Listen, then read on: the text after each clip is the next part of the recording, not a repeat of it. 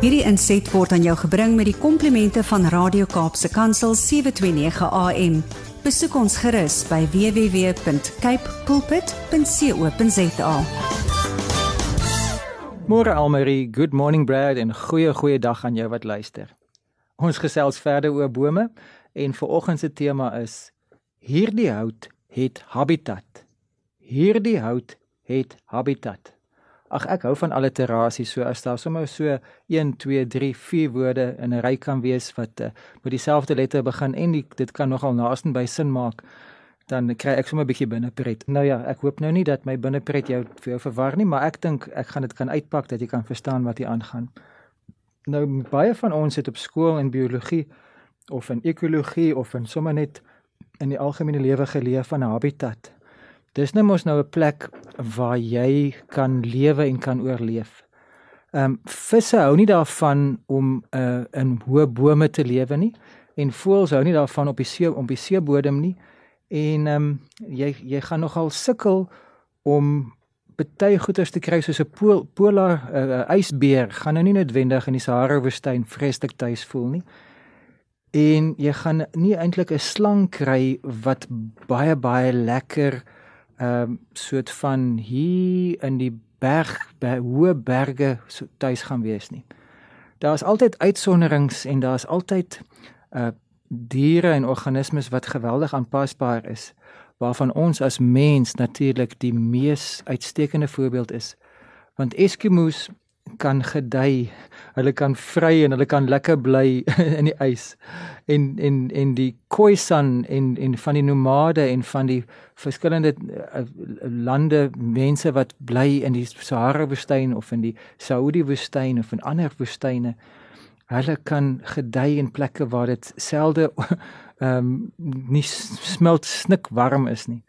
Dis net amazing hoe mense in woestyne en uh op verskillende plekke kan oorleef en Elon Musk is oortuig daarvan dat ons sal op Mars ook kan aanpas.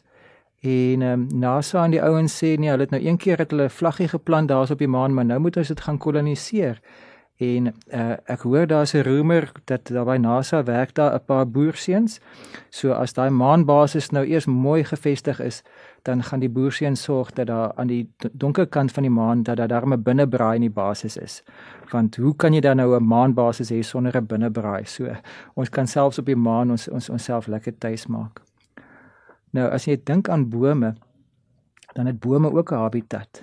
Meestal hou hulle van gematigde klimaat, meestal hou hulle van plekke wat nie te hoog bo seespieël is nie. Uh daar moet genoeg uh, reënval wees. Maar bome kan nogal in droë plekke 'n um, 'n plan maak en van die van die spesies is dan baie uh, goed aangepas om nie baie water te verloor deur transpirasie nie en hulle wortelstelsel is baie effektief. Daar is bome wat nogal wonderlik aanpas by hoogtes bo seespieël dat waar ander plante lank al nie meer te, so hou daarvan van die min suurstof wat in die omgewing is of van die ekstreme toestande daar op die berg dan is daar sekere bome wat dit kan maak. En plekke wat ysig koud is, die noorde van Alaska en en ander dele dan waar daar uh, die meerderheid van die van die jaar is die plek met sneeu bedek, dan kan daai veral dennebome kan kan nogal uh, uh, hulle hulle gee dit 'n go en hulle oorleef in sulke ysige koue. Ehm um, nou daar is selfs bome wat as sy saad sou val binne 'n klipskeur en en hiervan het ek al vertel by twee vorige geleenthede in in gesprekke. As daai saad sou ontkiem in daai klipskeur en daar's net so een of twee minerale en een of twee vogmolekules naby hom en die wind waai hom nie weer uit daai skeur uit nie en hy kan net so 'n bietjie mikron vir mikron sy wortels uh, uitstuur dan gaan daai klein fyn mikroskopiese haarworteltjies gaan hom anker en dan gaan hy met ensieme en met met brute selfverdeling gaan hy na 'n klompie jare gaan hy daai krakie uh so 'n paar nanometer grootte gemaak het. En dan na nog 'n klompie jare dan is daai krakie so so breed soos 'n haar. En na nog 'n klompie jare dan is daai kraak nog groter en dan is daai wortel net besig om dieper en dieper af te boor. Dit wat ons as mens, ons sou moet 'n lugdruk boor, wat die Engelse nou van praat van 'n jackhammer. Ons sal hidroliese gereedskap nodig hê of lekker stuk ou dinamiet om daai ding te doen.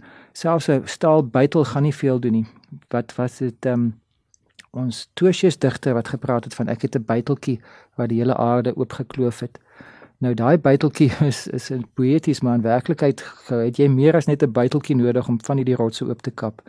Maar kan jy dink dat oor jare heen kan 'n boomwortel 'n reuse granietsrots laat oopkloof totdat hy letterlik daai die rots oopbreek. Nou dis nie 'n ontploffing soos met plofstof nie, dis nie eensklaps en daai rots is oopgebreek nie. Dis geleidelik en geleidelik. Jy kan dit nie eers met inkremente van 6 maande agterkom hoe daai kraakie groter geword het nie. Jy moet maar so elke 6 jaar gaan kyk dan sal jy sien daai wortel het weer mooi gevorder. Maar éventueel dan breek daai wortel deur. Nou dit is die wonder van die natuur dat selfs in wat die Engelse sou noem inhospitable places, in onherbergsame plekke kan bome oorleef. Hulle sal natuurlik baie meer gedei daar waar dit vrugbare grond is en waar die klimaat ideaal is in Psalm 1 en Jeremia 17 en die laaste hoofstuk van Openbaring praat dan nou van bome wat geplant is by rivierstrome wat idillies ideaal net geplant is op so 'n manier dat hulle net floreer dat hulle eh, loweryke prachtstukke is wat net tentoonstel die wonder van hulle natuur. Uh, as ons baie tyd gehad het, sou ek habitat en bome verder wou uitpak. Maar ek wil ter wille van tyd wil ek ons gesprek se tema draai nie weg van ons nie, maar terug na na ons as mense toe. En ek dink terug aan 'n tyd in die uh laat 80e jare, vroeë 90e jare toe ek en my vriende op Bybelskool was. Ons was saam eerste jaar en toe was ons saam tweede jaar en ons het 'n 'n broederskap en 'n vriendskap gehad en ons het baie baie lekker heetig heetige warm teologiese gesprekke gehad, maar ons het ook lekker saam uh die lief en leed van die lewe gehad en nog iets wat ons gedeel het is dat daar was 'n 'n 'n jong teologiese student, 'n dametjie wat so 2 jaar voor ons ons senior was wat toe nou in 'n sekere sin vir ons 'n rolmodel was in die sin van haar teologiese studies. Sy was al so 'n bietjie meer geletterd en en sy sy sy sy het 'n grondige kennis gehad van van die skrifte en 'n baie mooi verhouding met die Here. En die verpakking was so gewees dat ek dink almal van ons tweede jaar man studente, ons was heimlik so effens infatuated met haar gewees. En sy, as ek nou terugdink oor die dekades heen, het so 'n mooi getuienis eendag gedeel, juis oor habitat. En sy het gesê dat daar's krewe wat nie hulle eie dop het nie wat dan nou 'n skulp kry en dan klim hulle in daai skulp in 'n amper soos 'n 'n plakkerskamp en dan as daai skulp te klein word dan los hulle daai dop en dan gaan soek hulle vir hulle self 'n groter dop en so kry hulle dan nou 'n huisie. En elke organisme, elke plant het sy habitat soos ons nou gepraat het oor die bome. Elke dier het 'n habitat. Maar die mens het nie regtig 'n habitat nie. Ons het nou wel plekke waar ons meer gedei 'n matige klimaat soos in Europa uh, het gelei tot die renessans en en die enlightenment want daar was genoeg water en genoeg landbou dat mense kon spesialiseer uh, want jy kan nie 'n filosoof word as jy elke dag moet gaan bessies soek net om te oorleef nie. So dis hoekom alhoewel die die Khoisan net so intelligent en net so filosofies aangelê is en hulle mooi met folklore met hulle storievertellery het hulle net so filosofies diep geraak as wat die westerse die Europese filosofe kon word kon Europa universiteite vestig en kon hulle dit boekstaaf want daar was genoeg tyd dat iemand kon al sy tyd gee net aan filosofie. So in 'n in 'n gematigde klimaat en in gunstige omstandighede kan ons dan nou menslik gedei, maar wat jou emosies aanbetref, het jy iemand nodig wat jou heeltemal aanvaar. Jy het 'n significant other nodig. Jy het iemand nodig wat jou toelaat om jouself te wees. Dan kan jy emosioneel kan jy dan nou verder gedei.